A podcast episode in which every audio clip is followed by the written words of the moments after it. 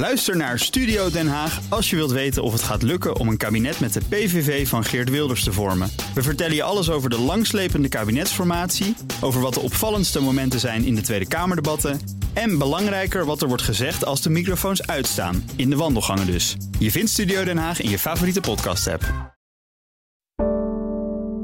Een goedemorgen van het FD. Ik ben Pauline Schuster en het is woensdag 20 september.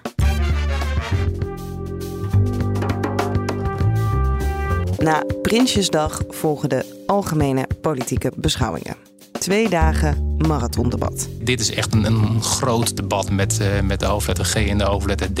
En om dividendstrippen tegen te gaan, komt demissionair staatssecretaris Marnix van Rij met een wetsvoorstel waardoor je hopelijk wel twee keer nadenkt voordat je fraude pleegt. Oh jee, oh jee, oh jee. Als ik nu die dividendbelasting ga terugvragen en ik krijg hier vragen over van de Belastingdienst, dan heb ik niet zo'n goed verhaal.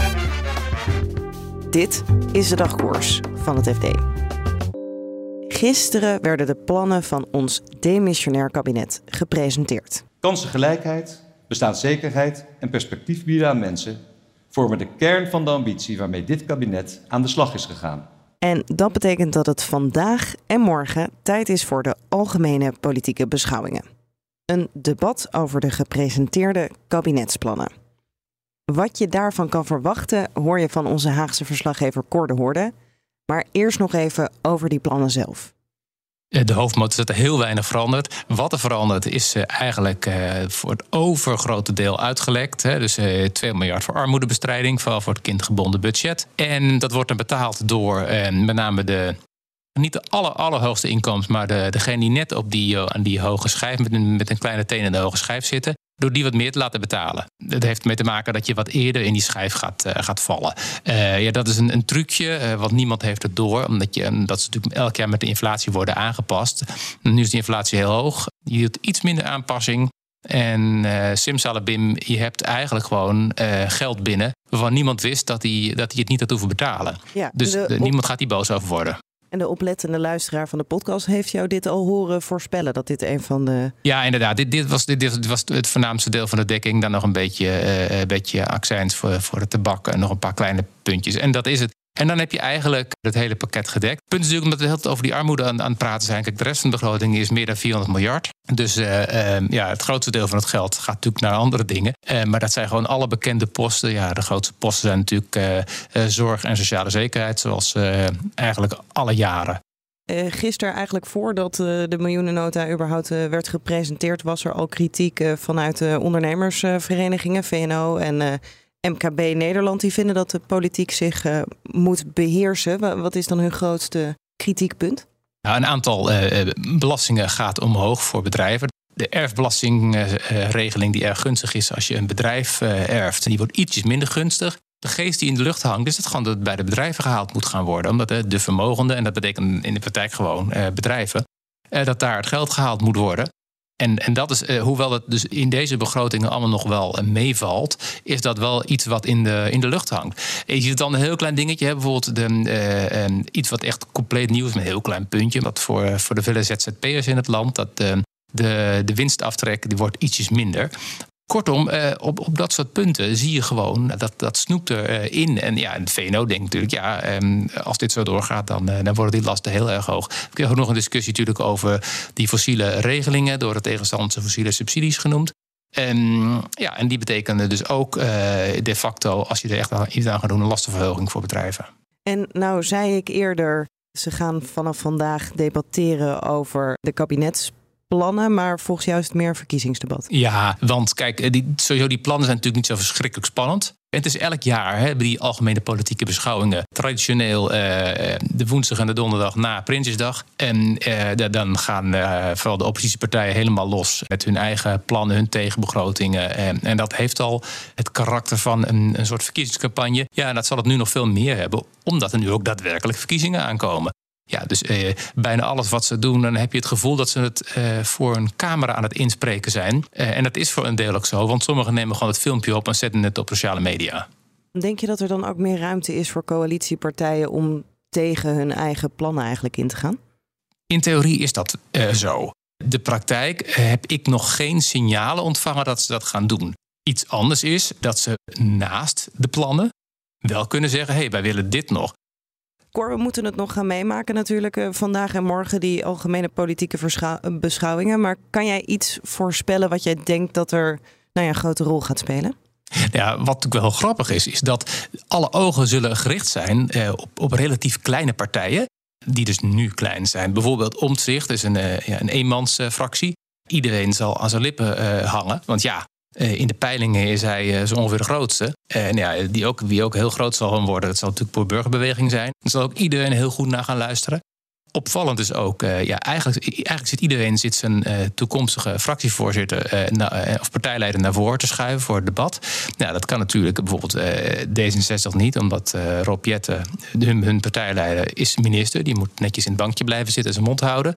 Maar ja, wie dat ook niet kan, is bijvoorbeeld de GroenLinks PvdA. Want ja, Frans Timmermans is de partijleider, maar die is geen Kamerlid. Dus die mag, die mag niet eens naar binnen. De belangrijkste mensen zijn nu de mensen die, uh, die eigenlijk formeel genomen op dit moment heel weinig in te brengen hebben. En is het nog spannend dat het Rutte's laatste algemene politieke beschouwingen zijn? Het is spannend, weet ik niet, maar wel bijzonder. Dit is natuurlijk het einde van een tijdperk. We gaan hem voor het laatst zien spreken zoals we ja, uh, gewend zijn van hem. En daarna dus niet meer. Ja, natuurlijk, hij komt natuurlijk wel geregeld, zal die in de Kamer zijn als er weer dit of dat is. Maar eh, echt, dit, dit is echt een, een groot debat met, uh, met de hoofdletter G en de hoofdletter D. Dus uh, dit zal inderdaad de laatste keer zijn dat je ja, een vol ornaat aan het werk kunt zien. En dan ander nieuws. Demissionair staatssecretaris Marnix van Rij kwam tijdens Prinsjesdag met een wetsvoorstel om het zogenoemde dividendstrippen tegen te gaan. Fraude plegen door onterecht dividendbelasting terug te vragen. Ik heb het erover met onze Zuidas-redacteur Matthijs Rotteveel, die een voorbeeld geeft van hoe dat werkt, dividendstrippen. Bijvoorbeeld een uh, Amerikaanse belegger, die heeft uh, heel veel uh, aandelen Shell en moet, moet dividendbelasting daarover betalen. Want Amerikaan heb je geen recht op teruggave van dividendbelasting in Nederland. Die parkeert tijdelijk zijn stukken in Nederland, zijn aandelen, bij een Nederlandse speler. Die vraagt die dividendbelasting terug, want die zit in Nederland. En dan gaan de aandelen gewoon weer terug naar de Verenigde Staten. Dit is van tevoren allemaal afgesproken. Dus eigenlijk is die Amerikaanse belegger gewoon altijd economisch eigenaar geweest van die, uh, van die aandelen.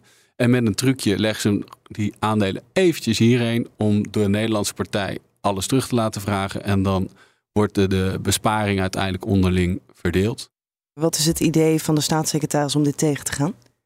Het idee is dat als je zoiets uh, zou willen doen en die Nederlandse partij gaat zijn dividendbelasting terugvragen, moet hij kunnen aantonen dat hij echt de eigenaar van die stukken is. De economische eigenaar van de aandelen, dat die van hem zijn en dat die niet even tijdelijk bij hem zijn neergelegd.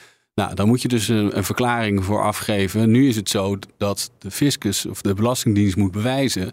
Ja, jij bent niet de economisch eigenaar van die aandelen.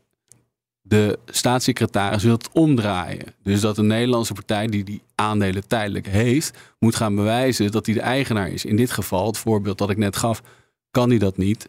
En zal die van tevoren wel bedenken van, oh jee, oh jee, oh jee, als ik nu die dividendbelasting ga terugvragen en ik krijg hier vragen over van de Belastingdienst, dan heb ik niet zo'n goed verhaal. En werkt dit ook echt? Want je zou denken dat met die bewijslast, dat snap ik, dat het dan uh, lastiger is om te doen, maar gewoon verklaren van ja, ik ga niks misdoen. Dat klinkt nou, als je toch al trucjes verzint, niet per se als iets wat mensen dan tegenhoudt.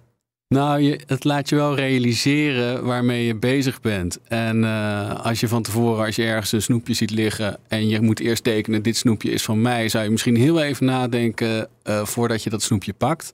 En in het buitenland is het al gebeurd. In, uh, in Denemarken bijvoorbeeld werkt zoiets als dit al. En dan zie je dat het onterecht terugvragen van die dividendbelasting gereduceerd is tot bijna nul.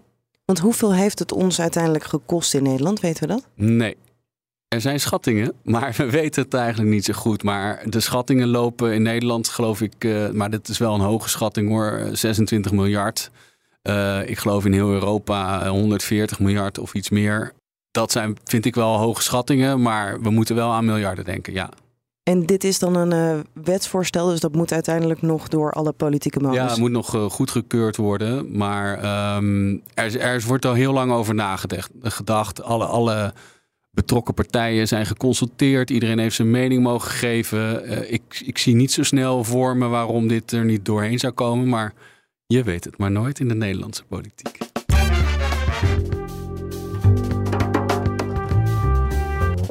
Dit was de dagkoers van het FD. Vergeet je niet op ons te abonneren in je podcast-app. Dan krijg je morgenochtend automatisch de nieuwste aflevering binnen.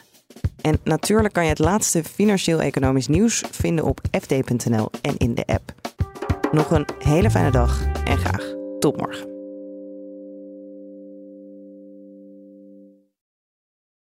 Ook Harm Edens vind je in de BNR-app. Je kunt BNR Duurzaam niet alleen live luisteren in de app, maar ook terugluisteren als podcast, zoals al onze podcasts.